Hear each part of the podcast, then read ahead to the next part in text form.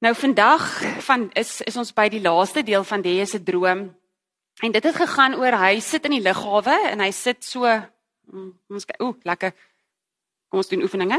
Strek my bouspier. Hy sit so op sy stoel en hy voel iets aan sy enkel en toe hy kyk, toe sien hy iemand haal 'n knapse kerel uit sy kous uit. En dis 'n wildvreemde persoon en die persoon staan toe op en loop weg. So jy weet nie wie is die persoon nie, maar die persoon het iets vir jy beteken. Want wie van julle het al 'n knapse kerel in jou kous gehad en probeer stap met dit? En dan as jy hom nie kry nie of 'n wat is die ander mooi woord klitsgras, klits klitsgras, nê? Nee? Hæ? Huh? Dit is oek, dis irriterend. Maar okay, hierdie dit is die stukkie van die droom waaroor ons vandag praat. En wat hoor ons daaroor warmhartigheid? Ek ek hoor nogals baie. Vanoggend is daar is daar vier dinge wat ek wil uitlig op die se droom se stukkie vandag oor warmhartigheid. Die eerste ding is 'n fyn aanvoeling. En ek lees gou vir ons Filippense 1 vers 9 tot 11. Ek bid juis dat julle liefde al hoe meer sal toeneem in kennis en insig om die dinge wat saak maak te kan onderskei sodat jy met die oog op die dag van Christus innerlik suiwer en onberispelik kan wees gevul met die vrug van geregtigheid deur Jesus Christus tot verheerliking en lof van God. Dit is die 83 vertaling wat lees ek bid dat julle liefde sal groei in begrip en fyn aanvoeling. En hierdie gedeelte sê dit nou kennis en insig Maar kennis en insig gaan nie hier oor 'n kopding nie. Dit gaan nie hier oor oor kennis en insig nie, want Paulus sê mag julle liefde in dit groei. Nou ek weet nie hart en kop is baie keer twee teenstrydig. Ons sê ook altyd jou hart, jou hart sê vir jou een ding en jou kop sê vir jou 'n ander ding. Maar dis juist wat Paulus vir ons probeer sê hier, dis hy sê mag julle liefde groei met julle koppe ook Mag julle leer om om 'n fyn aanvoeling te hê. Mag julle leer om fyn te kyk, om raak te sien dinge wat ander mense nie raak sien nie. Soos wat daai persoon die se klitsgras op sy enkel raak gesien het. Hy het fyn gekyk. Ons sê al hierdie hele week vir mekaar dat dat die wette van die profete en van die Ou Testament word saamgevat in Jesus se liefde. In Jesus se liefde. En ons leer by Jesus hierdie fyn aanvoeling. Daar is nie 'n beter voorbeeld in hierdie wêreld as Jesus wat wat raak sien nie. Die klein dingetjies raak sien nie. Maar hoor hoe mooi sê Paulus dit. Paulus sê dat hierdie hierdie begrip en insig en kennis wat in julle liefde moet groei, is nie sommer maar net vir sommer maar net nie. Dit is sodat jy nader aan God kan beweeg. Sodat jy nader aan die Here kan leef. Dit is hoekom jy hierdie hierdie warmhartigheid moet aanleer. So warmhartigheid, hierdie begrip en fyn aanvoeling is 'n ding wat wat um, in jou kop en in jou hart begin, maar dis 'n ding wat moet uiting kry. Dis 'n ding wat moet geleef word. Jy sit in hierdie groot lughawe. Ek kan nie onthou wat jy gesê o, haar Tambo, my skat, in Johannesburg sit hy in hierdie groot lughawe in sy droom nou. En iemand sien 'n klitsgras raak. Hoeveel keer het jy al gevoel iets steek jou in jou klere iewers en jy kry dit net nie raak gesien nie? Dit het al met my gebeur dat jy loop en jy voel iets iets en jy krap en jy trek, maar jy kry nie daai klitsgras of daai ding raak nie. Maar hier sit iemand, daar's massas mense wat rondloop, maar hy sien of sy sien, jy het nooit gesê dit 'n man of 'n vrou is nie. Die persoon sien daar is iets wat jy gaan pla in sy skoen. As hierdie man net of hierdie persoon net op homself gefokus was, sou hulle die klitsgras raak gesien het. Nee. As ek en jy net op onsself gefokus is en op ons eie lewens gefokus is en net na binne kyk die hele tyd, dan het ons nie hierdie fyn aanvoeling nie want dan kyk ons nie om ons om die nood en die seer om ons raak te sien nie. En dit is op die ou einde wat Paulus hier probeer sê is hou op om net in jouself te kyk. Dit gaan hier oor waar kan jy God se liefde in die wêreld wys met fyn aanvoeling. Maar vir my so hand aan hand met die fyn aanvoeling gaan daai anticipation. Anticipate, dink bietjie vooruit. Ek hou net meer van die Engelse woord. Dink vooruit. Hier sit jy, hy's nog nie eers bewus van hierdie ding op sy kous nie. Hier's 'n persoon langs hom wat die ding vir hom uithaal. As jy later sou opstaan en loop, sou hy die ding gevoel het en dit sou hom geïrriteer het. Maar omdat hierdie persoon langs hom so fyn aanvoeling gehad het, so mooi fyn vir die nood om hom gekyk het, het hy die gehelp nog voordat jy eers bewus was daarvan dat hy hulp nodig gehad het. Het jy al ooit so iets beleef? Ek het dit redelik onlangs beleef, twee keer, twee Dinsdae aande na mekaar. Ek speel Dinsdae aande netbal en letterlik twee keer by die netbalbane het ek gaan stop, dan sit en lees ek 'n rukkie want ek is altyd te vroeg en die bane is nog nie oop nie. En twee weke na mekaar moes dieselfde oom aangestap kom met sy hond en vir my sê jou ligte is aan. En gelukkig vir daai oom wat twee weke na mekaar vir my gesê het, my ligte is aan, want anders het ek later by my kar gekom en kon my kar nie start nie. So nog voordat ek eers geweet het ek het 'n behoefte, ek het 'n nood, het hierdie oom warmhartig na my toe gekom, aan my deur gevenster geklop en vir my gesê, "Your lights are on." Hy kon baie maklik net verbygestap het. Want ek is nie eintlik op sy roete nie, want sy kar staan deur, maar hy kom spesiaal by my verby om vir my te sê, "Hoorie, jou ligte brand." En dit bring my dan by die tweede ding. Dis goed en wel om fyn aanvoeling te hê, om kennis te hê, om insig te hê, om die nood raak te sien. Maar wat gebeur as ek nie gehoorsaam is nie? Wat gebeur as daai oom met sy hond nie na my kar toe stap en vir my klop aan my venster en vir my sê jou ligte is aan nie? Dan gaan ek my kar nie wil start nie want my battery gaan doodloop. Wel tegnies gelukkig hierdie kar van my se ligte gaan af. Maar ek het 'n Taz gery en die van julle wat 'n Taz al ooit gery het, sy ligte gaan nie af nie. So ek het time and again as student, wel nie time and again nie, ek dink dit het 4 keer gebeur in my eerste jaar. Het ek met my kar kom, dan wil hy nie start nie want ek het my ligte aanvergeet. So dit help veel jy sien die nood raak in die wêreld om jou, maar jy doen niks nie. Jy's nie gehoorsaam nie.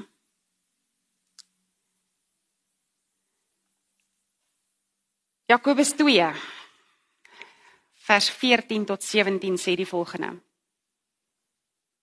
Wat baat dit my broers as iemand sê dat hy geloof het, maar hy het nie dade nie? Die geloof kan hom tog nie verlos nie. As 'n broer of suster sonder klere en daaglikse kos is en een van julle sê vir hulle: "Gaan in vrede, word warm en word versadig," maar julle gee nie vir hulle wat die liggaam nodig het nie, wat help dit? So is geloof alleen as dit nie op dade uitloop nie, dood. Ons weet, ons redding lê nie in dade nie ons die teenkant is ook waar. Ons kan al die goeie goed doen, maar ons gaan nie gered word net op grond van die goeie goed wat ons doen nie. Ons het geloof in die eerste plek nodig. Maar hier sê Jakobus vir ons, jou geloof is dood as jy nie gehoorsaam is en iets daaromtrent doen nie. As hier iemand by jou is wat koud kry en honger is en jy sê ag gaan in vrede.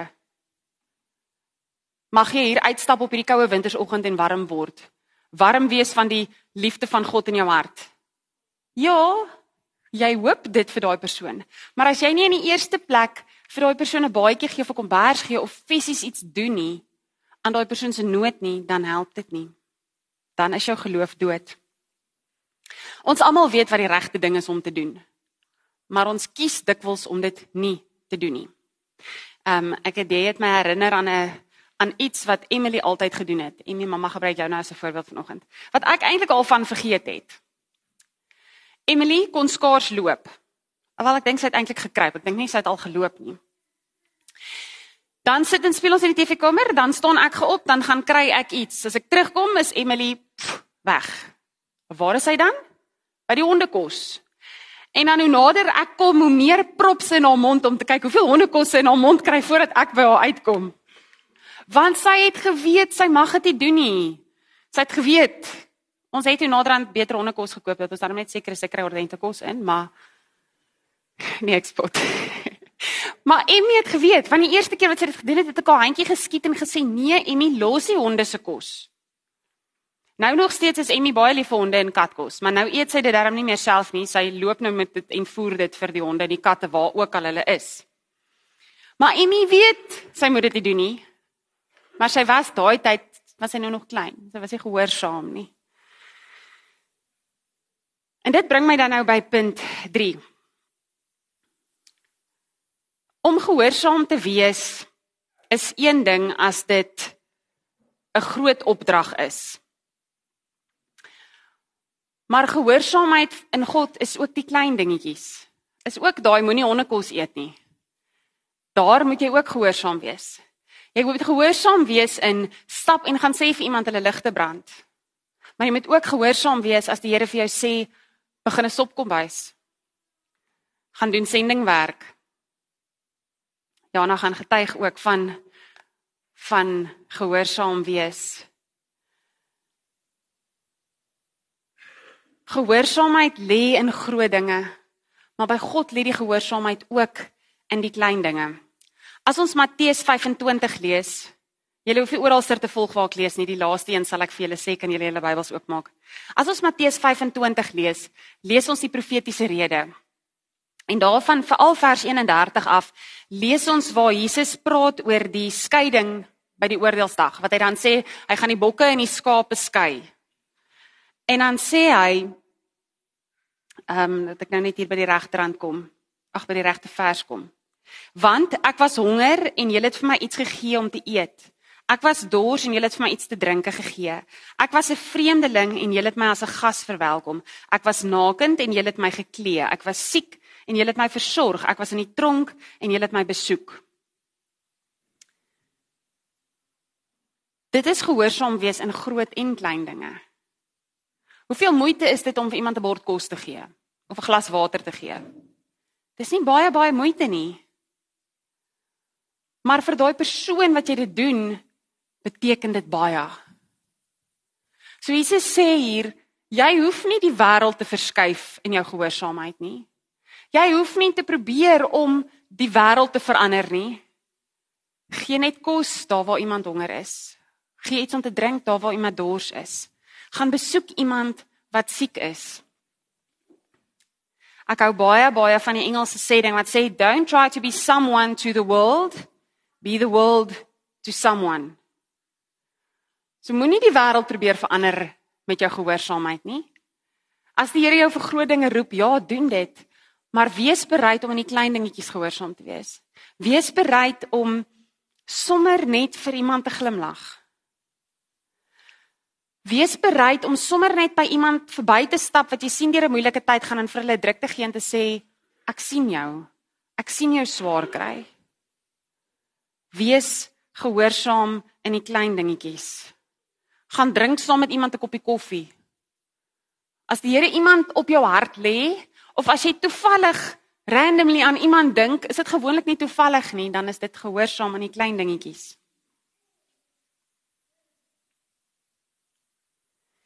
Die vierde ding. Al hierdie dinge, groot en klein dinge. Al hierdie warmhartigheid wat ons oor gepraat het hierdie week. Moet jy doen met God as die doel om God te wys vir mense. Nie vir jouself nie. Jana kom vertel nie vandag haar storie omdat ons moet almal sien hoe amazing sy is nie alhoewel sy regtig amazing is. Sy kom omdat sy vir ons wil vertel die pad wat die Here met haar gestap het. Ons gehoorsaamheid moet nooit gedryf word deur oh, hoeveel mense kan my raak sien. Hoeveel mense kan gaan vertel van wat het ek gedoen nie. Ons gehoorsaamheid moet lê in God en ons moet getuig van sy getrouheid in ons lewens.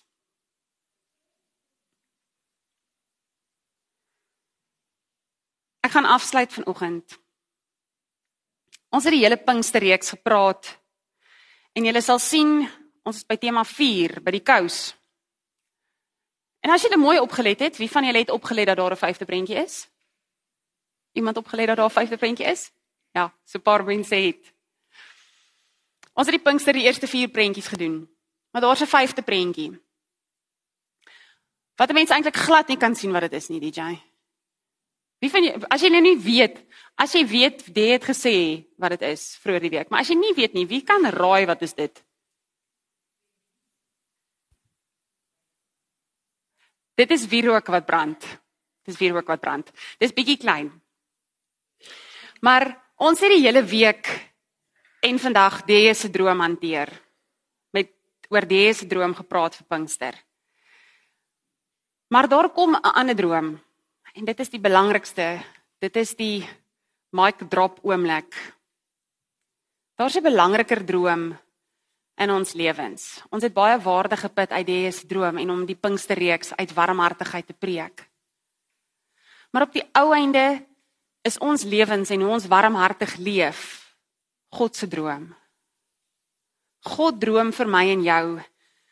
2 Korintiërs 2. Die van julle wat julle Bybels daar wil oopmaak is welkom. Ek gaan hom so op die bord ook gooi.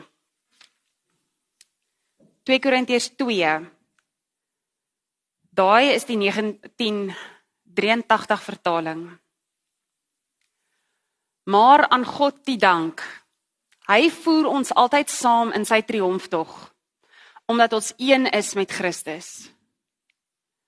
Julle daai verse is net so amazing. Ek weet nie ek weet nie om anders te sê nie.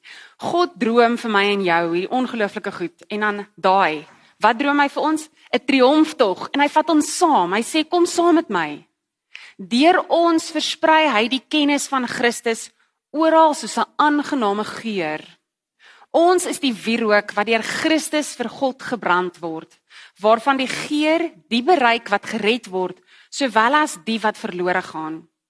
Vir die wat verlore gaan, is dit 'n doodsreuk wat dood bring. En vir die wat gered word, is dit 'n lewensgeur wat lewe wek. En wie is tot sulke dinge in staat? Ons. Omdat ons nie is soos baie ander wat geld maak uit die woord van God nie. Ons verkondig die woord in opregtheid, in verbondenheid met Christus, in opdrag van God en in verantwoordelikheid aan God.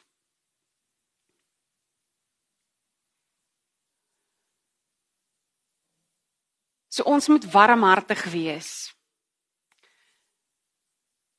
Ons moet Christus se geur versprei soos wierook.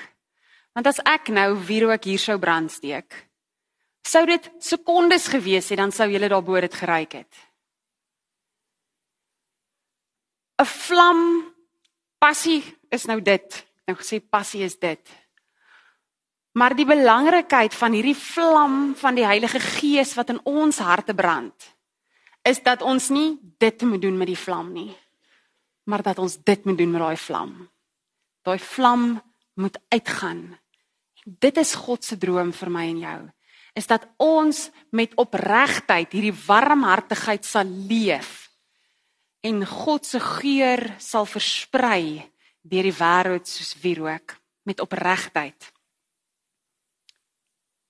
in Christus. Dit is God se droom.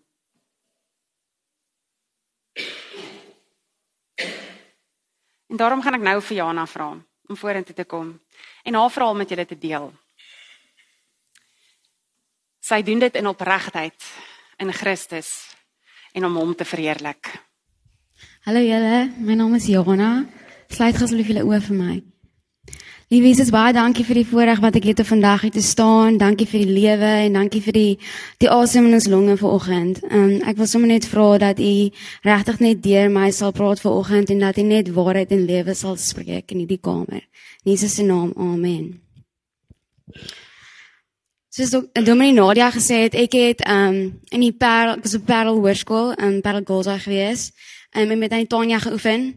Was mal geweest oor hardloop, is nog steeds. Ehm um, my baie geoefen en dit het my die geleentheid gegee om in 2019 in Amerika te gaan studeer. Ek het in Augustus 2019 by Oklahoma Baptist University begin en dit vreeslik baie geniet. Um, vreeslik baie nuwe vriende gemaak, um, baie uitdagings, maar baie gegroei, baie geleer en um, die hardloop het baie goed gegaan en um, vir daardie rede het die lewe ook baie goed gegaan.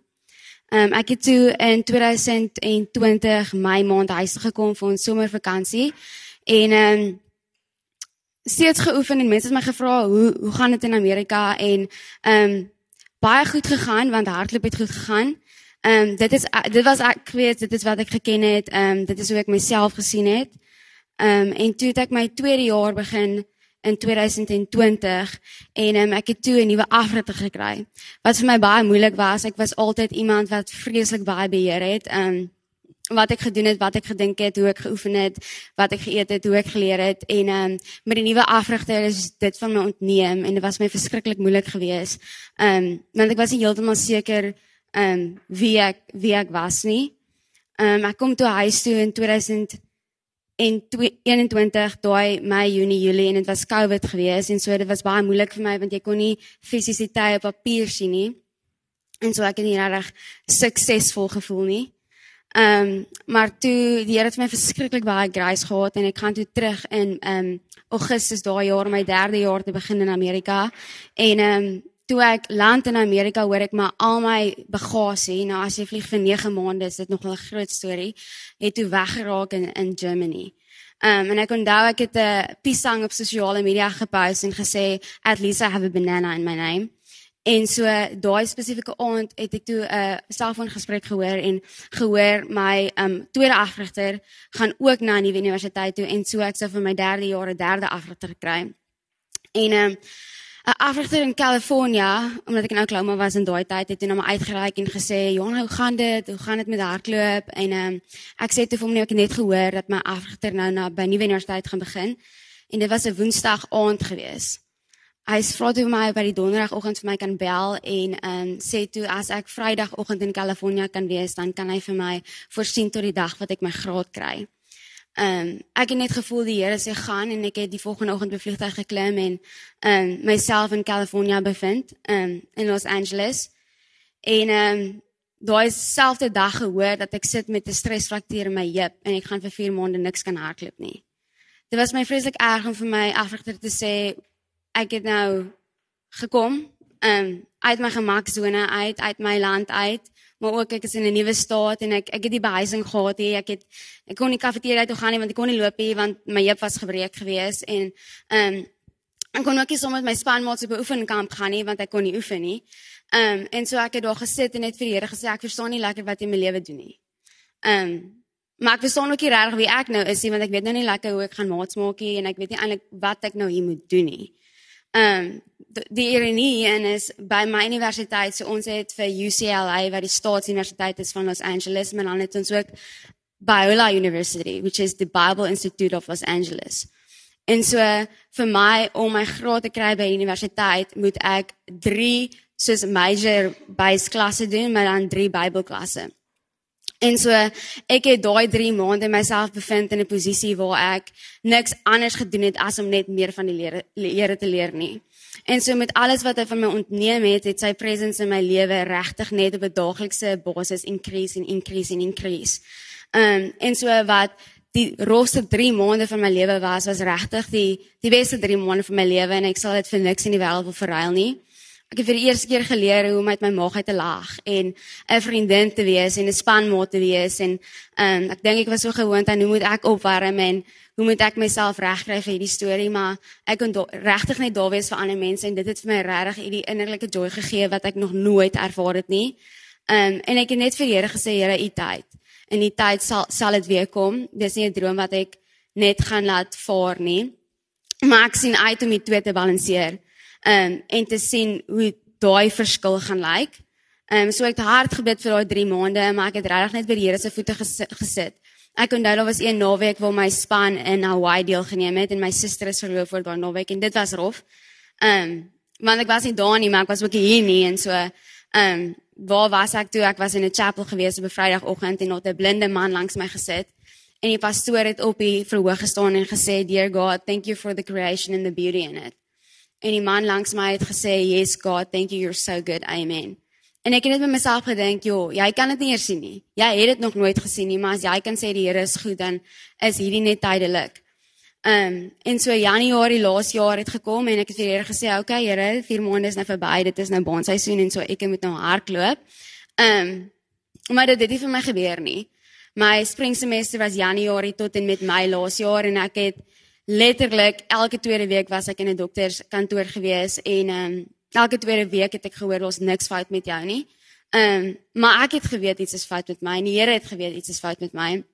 En dit was my baie rof want ek het nou nie meer 'n uh, heup wat gefraktureer is nie, maar ek kan ook nie hardloop nie, maar ek het baie verwagting met die beers en ehm um, ek was baie gefrustreerd geweest. Ek het ook dieetkundige geswaat, ek wou nog altyd 'n dieetkundige geword het. Ehm um, en het dit baie geniet tot op my daai punt. Ehm um, want toe word dit baie wiskundig en skynat en biologie en Engels en ek kan nie hardloop nie en so ehm um, dit was 'n rowwe week geweest. En toe het ek vir my advisor gesê kan ek asseblief met jou ontmoet? Hierdie is vir my baie moeilik en ek voel ons moet net praat dat ek net een van die lassies 'n bietjie ligter kan maak. Miskien kan ek net iets anders swaat. En ehm um, sy sê vir my ja, ja, verseker kom net maandag en dan praat ons hieroor. En ehm um, ek het myself by kerkkamp bevind daai naweek en ek het teruggekom en my vriendin het my gevra om vir haar petrolgeld te gee. En so ek het Amer ek het nie Amerikaanse uh, kaart gehad nie en so ek moes nou winkel toe gaan en dan moet jy soos 20 dollar betaal en dan kry jy nou soos 10 dollar terug en dan kan ek haar nou die 10 dollar gee.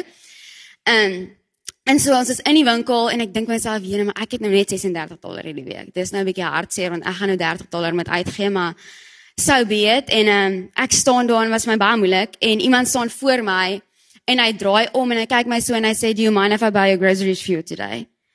En ek sê nee dit dit is okay. En die man sê vir my um no I really want to. En ek sê nee maak my vriendin cashback kry. Hy vra how much do you need? En ek sê vir hom um 10 dollar en hy gee my 20 um en hy kyk so vir my en hy sê the lord's going to keep blessing you if you walk in obedience. En ek het geweet hierdie gaan iewers belangrik wees, maar ehm um, ek het nie presies geweet hoe nie. En so die volgende oggend ontmoet ek my advisor en ek sê vir Jamie, ek moet net ek moet net iets anders swat. Ek ek weet nie reg wat nie, ehm um, maar jy moet my net help want want iewers iewers met my lewe net so 'n bietjie makliker raak op die oomblik. En sy sê toe vir my, ehm um, I really see you in ministry. Maybe like missionary work. En ek sê vir nee, dit is nie ek ek is hier om te hardloop. Ek gaan nou nie baie goed voel nie. Al my vriende se paas is 'n pastoor of of hulle bid in tale of hulle doen hierdie hier goed vir die Here en ek voel net my hart is nie by regte plek nie. Ek is eintlik net hier om te hardloop. Hierdie is net 'n boksie wat ek moet tik. En sy sê vir my, "Jana, die Here kan enigiets gebruik. You just have to be a willing vessel." Ehm um, en sy sê toe, "Maar ek weet jy het 'n passie vir health en so jy kan global health studeer want jy kan dit twee kombineer en so." Ek sê toe vir my, "As ek nou vir my pa moet sê wat swat ek, hoe lyk like dit?" En sy sê vir my, "Um this war in Ukraine." En so these people need someone to spiritually and physically pour into them. And so I think you'll be ideal for that role. En ek loop toe en ek dink jy, dis nou lewensoriëntering, dis nou nie biologie nie, so dit is perfek. Ek gaan nou hierdie swat, maar in my kop dink ek ek kan hierdie fisiese fisiese need kan ek vul. Die spirituele een sal ek oorbid en dink, maar nie op die oomblik hier dan. Dit was laas jaar Maart gewees en um, die die maand van April het ek net myself geniet want ek was heeltemal seker of ek gaan teruggaan nie. Ek was heeltemal seker ehm um, hoe gesond ek is en hulle het my gesê ek moet 'n ekokardiogram kom doen op my hart. Ehm um, my maand laas jaar terwyl ek nou by die huis is vir die 3 maande en ek het regtig net gehoop dit gaan my antwoorde gee sodat ek nou my 3de en 4de jaar ehm um, net voluit kan hardloop en kan leef. En ehm um, my laas jaar het ek net verskriklik baie net gegym, net my boelai want ek kan nie hardloop nie en so dit was moeilik. En in Junie maand het ek my afspraak vir my ekokardiogram en die dokter sê vir my Jonah, daar's niks fout met jou hart nie. En ek het snot en trane gehuil en gesê dokter, jy moet vir my sê iets is fout met my hart want iets is fout met my en ek kan nie nou teruggaan en vir die dokter sê of vir my after sê niks is niks is fout met my nie want iets is fout met my en hy sê vir my ons kan jou koors neem en dan kan ons kyk of jy enige outoimmuun disease het En ek lig toe my arm op en ek sê ek kan nie regtig, dit is baie seer. Ek dink ek het dit in die gym seer gemaak. Ehm um, hy sê toe vir my ons kan vir jou kortison shot gee, maar maak net seker niks is gebreek nie. Volgende dag gaan ek vir 'n ekstra. En ehm um, die dokter bel my pa onmiddellik op die Vrydagmiddag en sê Johan moet maandag by die hospitaal wees, ons moet opereer. Haar humerus en haar skouer is ons gefraktureer, dit is geskei. wat het sy gedoen en ek sê maar ek het niks gedoen nie. Ek het letterlik niks gedoen nie. Maar dit is nou die storie van my lewe, so julle kan maar gaan aflaai in die hospitaal. Ek weet die Here gaan dit op 'n manier gebruik. Um ons gaan net geduldig wees, my tyd sal kom. En my ma het my afgelaai in die hospitaal en daai aand het 'n portier ingekom en gesê ons moet 'n MRI neem om te kyk um hoekom jou been so maklik gebreek het en ek het eintlik net gedink is protokol. Maar die volgende oggend het ek gehoor dat ek um Ewing sarcoma beenkanker het. En ek um gewoonlik met daai kanker het jy net 1.4% kans op oorlewing. En um my enigste opsie was om chemo onmiddellik te begin. Ek het nie geweet wat chemo is nie. Ek het net geweet hierdie storie gaan gebruik word en ek het 2 maande lank gebid om 'n wessel te wees. Um en dit was dit. Ek het binne 2 weke met chemoterapie begin, al my gesonde selle verloor, al my eierselle verloor, maar ek het net vasgehou aan alles wat ek geleer het en geweet dat um God is a God of all flesh and with him all things are possible. Um so ek het vir 4 maande chemo gehad, elke tweede week vir 'n week lank op 'n tyd. Um was ek in die hospitaal gewees. Um moeilikste 4 maande van my lewe, maar ook verskriklik baie gegroei. With everything he stripped away, his presence increased and therefore I'm very thankful. Ek het geleer in daai tyd dat God can do way more with your surrender than you can do with your control. Um en so dit was regtig net 4 maande van complete surrender en daarvoor is ek ook baie dankbaar. In in Oktober laas jaar het ek 'n operasie gehad en dit was die 5de een in Afrika gewees waar hulle my hele skouerbeen en my humerus uit my liggaam gehaal het gedurende die operasie en toe geradieer het buite my lyf tot die been heeltemal dood is en hierdie dooie been is weer teruggesit en so vandag is hy nog steeds dood. Hy kan nie lekker beweeg nie, maar hy is nog hierso en ek is nog hierso. Ehm um, en so na Oktober het die dokter vir my gesê ons gaan nog so 'n bietjie chemo moet doen, maar oorspronklik was die plan gewees ek gaan Januarie weer terug Amerika toe as die operasie 'n sukses is. En so ek het die hele maand van November nog chemo gedoen en Desember ook en um, gedink ek het vir klasse enrol want ek was okay, ons is nou klaar, kanker is nou uit, Januarie gaan ek nou oor en die dokter sê toe vir my Jana, um, ons wil hê jy moet tot Maart aangaan met chemo want ehm um, jou scans is nou skoon, maar as jy die kans vat en jy gaan Januarie oor, dan jy 15% kans op oorlewing vir meer as 2 jaar, maar as jy klaar maak in Maart, dan het jy 80. En so was vir my verskriklik moeilik geweest met my maale en um my familie en my vriende en almal gesê Jonny is so ver in. Jy is so ver in. Jy kan net klaarmaak. Jy kan altyd Augustus oorgaan. Um Amerika gaan nêrens heen nie.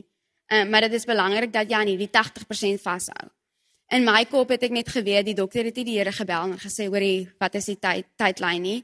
En en ek dink dit is waar my gehoorsaamheid ingetree het want ek het geweet wat die Here vir my sê. Ek het elke dag hierdie stil stem gehoor wat gesê het you don't trust me enough to keep you healthy and therefore you think you need to trust the chemo. Um en so uh, vir die hele maand van Desember het ek met dit geworstel. Ek het Kersfees aand teruggekom Parel toe en ek is die 26ste die oggend opgeneem en ek het chemo gehad tot die 3de Januarie toe. So het ek my nuwe jaar spandeer. Um en op daai punt was ek net regtig moeg geweest. Want ek het vir julle gesê soos ek ek dit werk nie meer nie want dit maak nie regtig iets kleiner nie. Die enigste rede hoekom ek hierdie nou doen is omdat ek bang is. Maar waar is my geloof dan? En so die eerste week in die, in Januarie het ek gesien my universiteit het weer begin en al my vriende is gelukkig en almal geniet ehm um, die avontuur wat dit is en die geleenthede wat ons het. Ehm um, en ek bevind myself in my kamer omdat ek bang is. En um, my pa sê toe vir my die Woensdag Universiteit het al maandag begin. As jy die Here wil vertrou, dan kan jy 'n vliegtuigkaartjie boek en ons sal jou ondersteun. Die donderdagoggend het ek my advisor e-mail gesê en gesê Jamie, hoe lyk dit? Kan ek dalk oorkom? Ek weet ek is nou al 'n week later en ek weet ek het gaan enrol, maar ek voel die Here roep my terug. En sy kom toe onmiddellik terug na my toe sê, "Johan, ek weet jy hoe dit gebeur het, maar het jy nooit enrol nie." Ehm um, binne 24 ure het ek my vliegtuigkaartjie geboek en ek is ehm um, die 13de Januarie begin van hierdie jaar terug Amerika toe en was letterlik die beste 2 maande van my lewe. Ehm um, die Here het vir my soveel geleenthede gegee om net te deel ehm um, oor die lewe. Ek dink ek is iemand wat altyd baie ver vooraf beplan het, maar ek dink as ons so ver vooruit beplan, dan is ons so entitled to die toekoms want ons het die dink dat ons daar gaan wees. Ehm um, Maar ek het net besef dat if I wake up tomorrow morning, that's a blessing. And if I get to go to practice, that's a bigger blessing. And if I get to run that, then that's great. But that's not something that I'm entitled to. Maar die Here was so goed vir my gewees. Um we know that faith is the things that it's unseen. En maar hy het net vir my gewys hy's in dit. Ek kon hardloop 80 km se week. Dit is nou nie die 120 nie, maar 80 is steeds baie. Vir Februarie maand, Maart maand. Um tot en met een oggend in Maart maand het ek gehardloop en my coach het my so gekyk om my been gesê, "Jonna, is jou arm okay?" En ek sê toe, "Ja." Hy sê, "Well, it looks it looks dead this morning." En ek sê, "Ja, yeah, but it's it is dead though." En so die res van die dag het ek net daaraan gedink want ek voel net hy het nooit vroeër uitgewys en dit was 'n maandagooggend gewees. Um en hy sê toe vir my, "Gaan net na die fisio toe. Jy kan dit miskien net laat masseer. Miskien is dit net effens styf." En so fisio masseer en dan geraak het vir my gesê, "Jonna, jou arm is definitief gebreek. Ek kan dit voel." Ek het gesê nee, dit kan nie gebreek wees as dit gebreek is, dit beteken ek het kanker, want dit is presies wat laas jaar gebeur het. En sy sê toe vir my sy gaan vir my afspraak maak vir die Woensdagmiddag om net 'n ekstra te laat doen om seker te maak want in enige ander situasies dit is dit is wat sou gebeur. En ehm um, daai week, daai Woensdag, Donderdag en Vrydag het ons hierdie konferensie by ons skool Missions Conference waar die doel is om ten minste 10 missionaries vir die nasies te kweek um gedurende daai 4 dae so ons het soos groot sprekers en toe Januarie terugkom te kry ek 'n e-pos wat vra of ek eh, my vlag sal dra. En ek dink toe ja, dit sal cool wees Suid-Afrikaanse vlag stap ek nou en dan sing ons 'n Afrikaanse liedjie en um ek sê toe ja, ek sal dit doen en Januarie sê die die meisie wat dit reël sê vir my e-pos terug en sy sê nee, jong, ons wil nie jy moet Suid-Afrikaanse vlag dra nie. Do you mind carrying Ukraine's? En ek lag toe half daaroor en my vriendinne lag en ons is so okay ja, maar ek ek het geen koneksie met Oekraïne nie. Daai kol het ek eintlik regtig geweet hoe die vlag lyk nie. Ehm um, maar ek sal die vlag dra. En daai woensdagoggend voor ek nou vir my ekstra moet gaan, nou 19 Maart. Ehm um, het ek die voorreg gehad om die Oekraïense vlag te dra. Ehm um, by die Parade of the Nations en so ons het gestaan met die vlae en die MC het op die verhoog gestaan en gesê this present this represents 62 countries 62 flags 62 global students 62 athletes um 62 mission missionary kids. But also these flags represent students that's going to go serve the lord in these countries. En ek het opgekyk na die vlag en geweet um hierdie was nooit net 'n voorbeeld gewees nie. 'n jaar terug um het ek nie 'n storie gehad en ek het nie regtig suffering gedink nie ewen nou ek gedink het my gebreekte heup is die einde van die wêreld, maar oor die afgelope jare die Here vir my gewys um what it means to suffer for Christ and what a privilege that was. Um en ek het my calling gekry daai oggend en um ek dink ek voel so bevoorreg want ek dink ons baie mense wat doodgaan sonder om te weet um wat hulle die Here se wil vir hulle lewens was. En ek is baie dankbaar vir die voorreg wat ek het om op hierdie ouderdom te, te weet. Um en my grootste droom is om in daai calling in te tree. Maar ek was baie verward geweest want later die dag het die ekstra bevestig dat ek nog 'n fraktuur in my arm het en die dokter het vir my gesê I can tell you now you have cancer but I have to confirm it with the MRI and therefore um I would encourage you to pray about this over the weekend and prepare yourself for worst case scenario. Ek het teruggegaan na my vriendinne toe en vol gesê later daai dag I just don't understand. I got this missionary call this morning, but now my arm is broken and so I'm dying. And so how can I be a missionary if I'm not alive? And so I say for my Yona, just think about it. This might be your mis- mis- missionary field right here. Your ministry to people right now. Um, twee ure later het ek in die aandsessie gesit en ons het hierdie spreker gehad Francis Chan en ons almal was vreeslik opgewonde geweest, baie groot naam. Um Maar voor hy vir 'n uur lank gepraat het, het daar 'n vroutjie gekom van Turkye en sy het op die verhoog gestaan en gesê, ehm um, hoe sy haar man verloor het 'n paar jaar terug as 'n missionary in in ehm um, Iran. En sy weet dat daar was mense saam met hom op hierdie trip gewees wat gesien het hoe hy vir hierdie man wat besig is om vir hom te skiet te bid. En so sy sê, I knew my husband forgive his murder and so who am I not to do the same thing. En so sy staan op die verhoog en sy praat oor hoe sy nou ehm um, hierdie peace ervaar as gevolg van die vergifnis wat sy het vir haar man se moordenaar. En haar storie was net 5 minute en dit het so half effens in die lug gehang. En Francis Chan het bevoeg gekom en hy was ook so heeltemal mekaar en ek dog, "Shuma, hierdie man moet eintlik nou weet wat hy gaan sê." My like vir my baie de mekaar. Hy sê toe, "I'm so sorry for whoever is in charge of the PowerPoints this morning, but I feel he is someone in this room, perhaps a female lady that needs to hear this." En ek dink vir myself, so Here, ek het nou nogal vandag 'n rowwe dag gehad. As dit nou vir my is, dan sou dit nou baie spesiaal wees. En hy sê You know what? You think you want to write books and you want to travel the world and you want to go to unreached places and you want to adopt seven kids and you want to stay in nice hotels. But you listen to this lady and you feel sorry for her and you sympathize with her, but you don't want to walk in her shoes. And I think the Lord is wanting to tell you today that a lot of us is called to the missionary field. A lot of us is called to the ministry field, but you cannot tell the Lord how that looks like. Sometimes you have to be willing to lose your life so others can have eternity. And sometimes you have to be willing to be broken so others can heal. En in daai oomblik het ek geweet ek het kanker. En vir die volgende 3 dae het ek nie gebid vir healing nie, maar ek het gebid vir obedience. En ek weer gesê, Here gee my die courage en die grace om in hierdie in hierdie gebed in te tree en in hierdie gebed te stap en um and to make you known. En 3 dae later is my tweede kankerdiagnose bevestig. En um die dokter het vir my gesê jy moet so gou as moontlik huis toe kom want as dit versprei dan het jy dalk nie meer lank oor nie en so binne 'n week het ek huis toe gekom en um, ek het vroeg in April gegaan vir 'n tweede full body scan en gehoor dat ehm um, dit was gelukkig skoon geweest, maar ek het nog steeds my kankertumor in my arm gehad. En so ehm um, net vir myself gesê jy het hiervoor gebid hou. Hierdie is jou ministry en so jy moet daarin stap en nie regtig opportunities gaan soek nie, maar die Here was so kind met my gewees en ek staan vandag hier en ek het die voorreg gehad om by 'n paar hoërskole te gaan deel oor die afgelope 2 weke. Ehm um, en dit is presies wat ek moet doen. Om eerlik te wees, ek sal my lewe op geen ander manier wil hê op die oomblik nie. Ek dink if God is our daily bread then we don't need the peanut butter and the jam and the cheese and everything else because he is enough. En een ding wat ek vir myself daagliks herinner is um what we don't have now, we don't need now if I needed my health, then he would, would have provided it, but he didn't. Therefore, he was sufficient.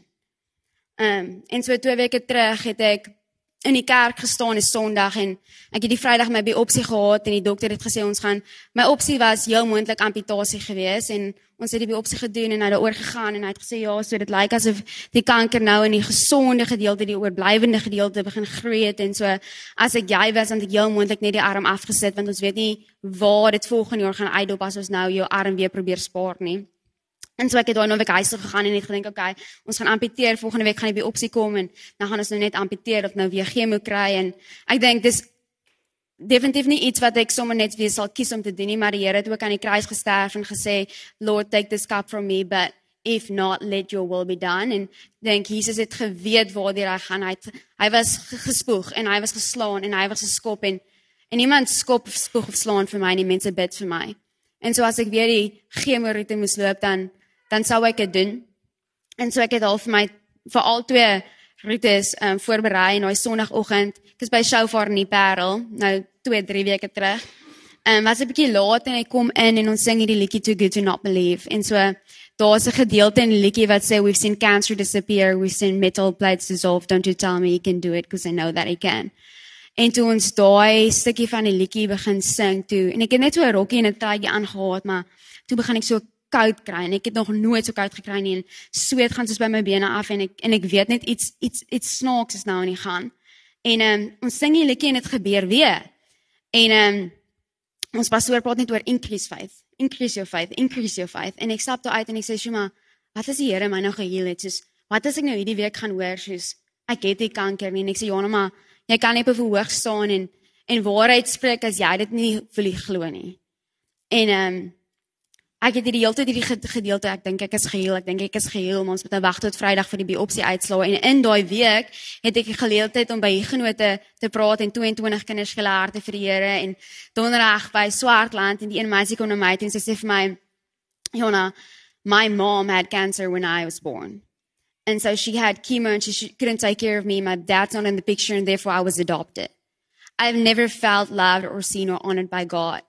Um, But through your cancer story and the way that the Lord's working in your life, I just feel so seen. And I just want to thank you. En ek ry terug donderdag aand en ek dis donker en dit's mama spray en my arm kan nie eintlik ry nie, maar ek sê net vir die Here, so ek sal hierdie doen vir die res van my lewe. Ek is ek is so content om kanker te hê vir die res van my lewe as ek meer van hierdie kan doen. Maar in 'n oomblik sê ek vir myself nee. Dis die probleem. Ek dink ons kyk na Bybelstories en Bybelkarakters en Abraham en Sara en Moses en Mary en ons dink, "Sjoe, die Here het power gehad." Hy het power gehad om die, om sees te paar, hy het power gehad om um vir Sara 'n kind te gee. En so ons gebruik hierdie prinsipel van power en ons trek dit na ons finansies en ons verhoudings te vandag want die Here het power. En ek dink dis die probleem want dis nie net die power om na ons finansies of ons verhoudings te kyk dis power om cancer te make disappear. En so ek weer gesê, Lord, I want to I want to be I want to be proof that you can still do miracles today. And so Here use my life as a living testament of your loving kindness. En dit was so half hierdie skietgebed gewees die hele donderdag aand, die hele vrydagoggend, daar was ek in die gym en ek sê net just Lord, use my use my life as a living testament of your loving kindness. En ehm um, ek en my pa was vir die biopsie uitslag gewees so twee Vrydae terug en ons my biopsie my um, drie selletjies was die hele week lank gewees in die um, laboratorium gewees sodat hulle nou genoeg bewyse het om soos die mees effektiewe metode te kry waarop ons dit nou sou behandel en so en my daar binne gesit en die dokter um, vir my die been geteken en gesê o, so hier's nou die plate en dit is nou waar die kanker nou gesit het en die die ehm um, my sê toe vir my ons het nou baie mooi na hierdie drie selletjies gekyk en um, ons gaan nie vir jou behandel nie. Um, want nie een van hierdie drie selle is kankerselle nie. En so jy het nie kanker nie. Ehm um, en so ja, ek het nie kanker nie. Ek het twee keer kanker oorwin, maar die tweede keer het ek geen behandeling gehad nie. Ehm um, dis net die Here, dis net die Here wat steeds wonderwerke vandag doen. En ehm um, dit is sommer net wat ek vanoggend wil kom deel en ehm um, net hierdie hoop dat dat regtig niks is onmoontlik vir die Here nie. Ehm um, maar ons moet glo en ons moet onverantwoordelik glo en ehm um, vashou aan hoop. Ek dink is baie maar van ons het sekere planne en sekere, sekere drome en ons dink, "Sjoe, maar hierdie gaan my gelukkig maak as hierdie op hierdie manier gebeur." Maar ehm um, ek het nooit gedink ek sal staan in die posisie waar ek nou staan. Ek het nie gedink dis hoe my journey Amerika ooit sal lyk nie, maar ek is so bly dat dit is hoe dit lyk. Ehm um, ja, ek wil sommer net dankie sê vir die geleentheid wat ek het om te kan deel want sal nêrens anders wil wees vanoggend nie. En dan wil ek sommer net vir ons afsluit met soos die Great Commission want dit is wat baie naby my hart is. In Matthew um, Matthew 28:18 Then the 11 disciples went away into Galilee into a mountain where Jesus had appointed them. And when they saw him they worshipped him but some doubted. And Jesus came and spoke unto them, saying, All power is given unto me in heaven and in earth. Go therefore and teach all nations, baptizing them in the name of the Father and the Son and the Holy Ghost, teaching them to observe all things whatsoever I have commanded you. I am with you always, even until the end of the world. Amen. And so it is net ook herinnering that God's commission um It's just our submit with the Great Commission. It's just our submission to His mission. Dankie julle. Uh,